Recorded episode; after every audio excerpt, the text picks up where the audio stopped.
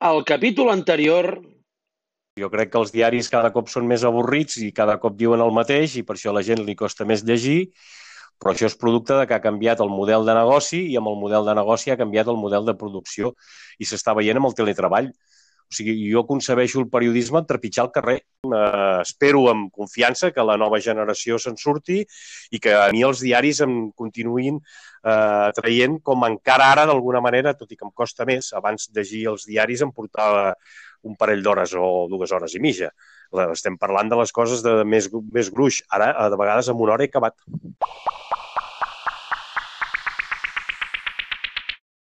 Capítol 2. Periodisme del dopatge a la masturbació.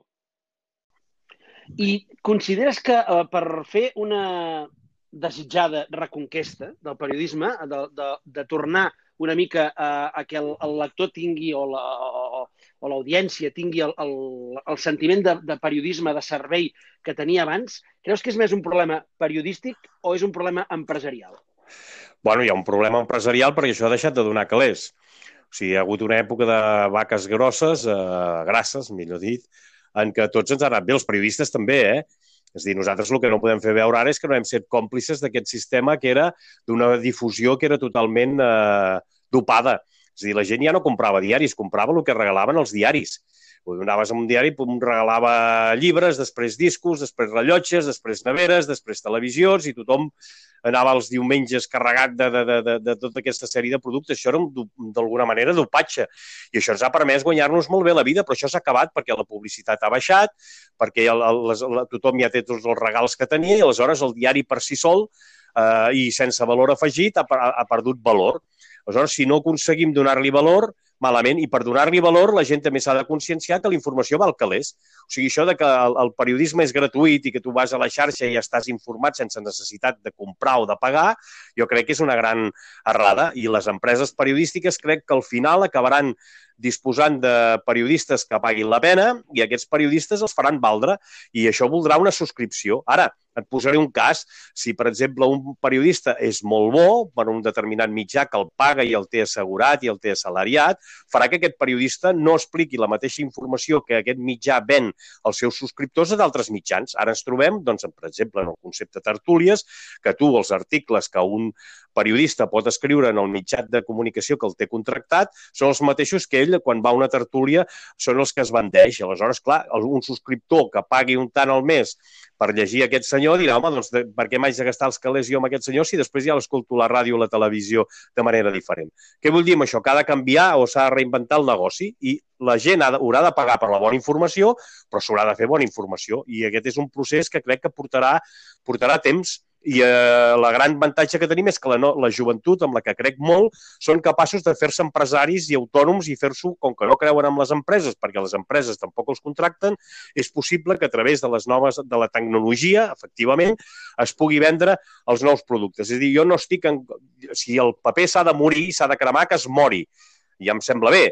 Ara, el que vull és que les webs, d'alguna manera, recullin aquesta manera de fer periodisme que és amb els diaris escrits és a dir, el que s'ha aprofitat és el canvi tecnològic per fer un altre tipus d'informació, que és més curta, més esbiaixada, més directa, eh, més que es pugui consumir de forma més ràpida i hem perdut el ple de llegir el ple de llegir, que és, de la mateixa manera que llegim un diari, s'ha de recuperar, des de la meva manera de veure, el ple de llegir notícies, no simplement de consumir-les.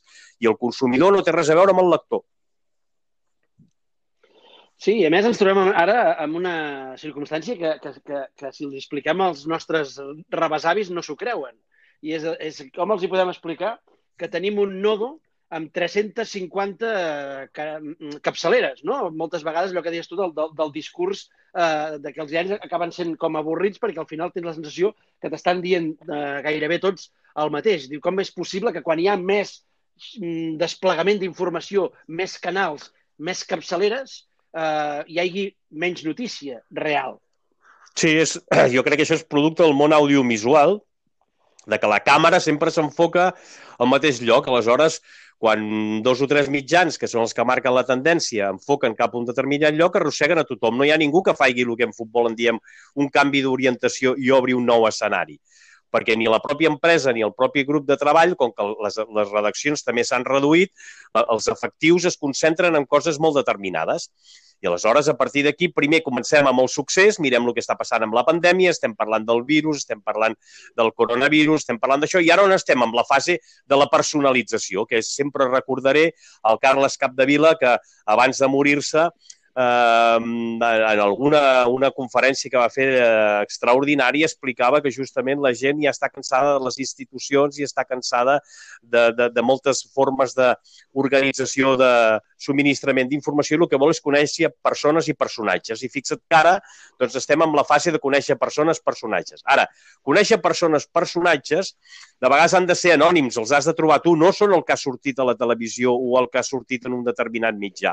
Aquesta és una tasca difícil perquè s'ha de fer una bona selecció. Ara, moltes vegades, el fet de personalitzar, personalitzem qualsevol cosa o qualsevol persona, amb tot el meu respecte. Tothom és important, però no tothom és notícia. I aquest sentit de triar la notícia, de seleccionar, de contrastar-la, exigeix temps i espai. I ara anem a la velocitat del vertigen. I a la velocitat del vertigen hem deixat de pensar.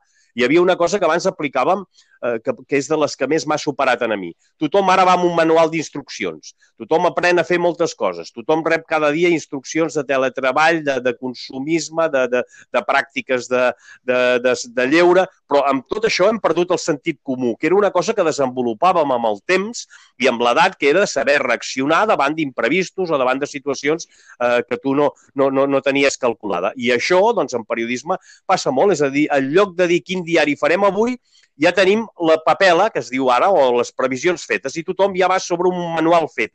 No va deixar-se sorprendre. I, a més a més, el lector ha, ha, ha acabat fent un vici, per mi, que és molt, molt greu, que és que el lector, si no li dona la raó, que pensa que el que es llegeix és mentida.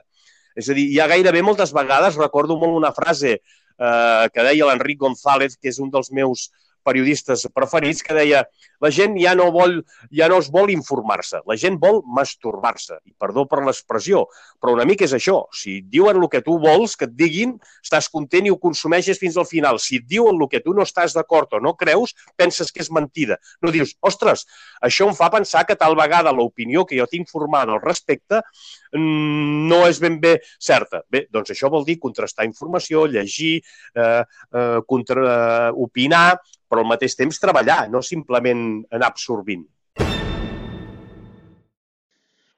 El proper capítol... I de cop i volta aquesta pilota ens la van prendre eh, i l'han anada inflant. I l'indústria, l'indústria futbolística ha creat una indústria de l'entreteniment que ara en aquest moment està amenaçada eh, per aquesta pandèmia. És a dir, tinc la sensació de que ara la rebentaran i la pilota la tornaran al pati eh, que juguin els que els interessa. Clar, això vol dir rebaixar pressupostos, això vol dir rebaixar expectatives, això vol dir la... No sé si és un cas semblant al de la bombolla eh, immobiliària que hi va haver en un moment determinat, però crec que en el futbol passarà una mica. I en el cas del Barça, doncs, bueno, hauria de ser un pioner igual que ho ha estat en moltes altres vegades. Jo recordo, per exemple, que alguna de les fórmules més imaginatives que es va trobar i va semblar que era una bestiesa va ser la del contracte amb UNICEF. El Barça va ser capaç, en un moment en què aquesta indústria precisament creixia molt, a través d'un conveni amb UNICEF, de mantenir la seva singularitat, la seva manera de fer i al mateix temps incrementar el que era el seu merchandising, el seu ticketing, el seu valor, la seva manera d'entendre.